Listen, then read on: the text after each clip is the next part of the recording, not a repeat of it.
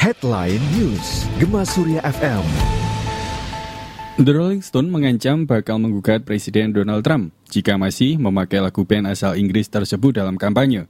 Sebagaimana dilansir NMA, saat ini tim hukum The Rolling Stone sedang bekerja sama dengan organisasi hak cipta terbesar BMI untuk mencegah Trump menggunakan musik mereka dalam acara politik. BMI lantas memperingatkan Trump bahwa penggunaan musik The Rolling Stone tanpa izin merupakan pelanggaran kesepakatan hak cipta. Jika Trump terus mengabaikan peringatan The Rolling Stone dan BMI, ia akan menghadapi gugatan karena melanggar embargo dan memutar musik yang tak resmi.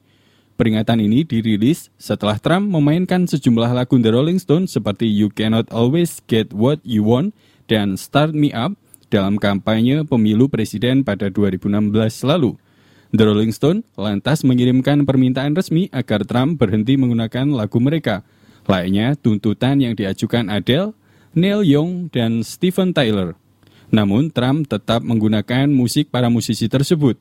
Setelah menang pemilu dan mengambil sumpah presiden pada 2017 lalu, Trump bahkan hadir ke konser pelantikannya dengan diiringi lagu Heart of Stone milik The Rolling Stone.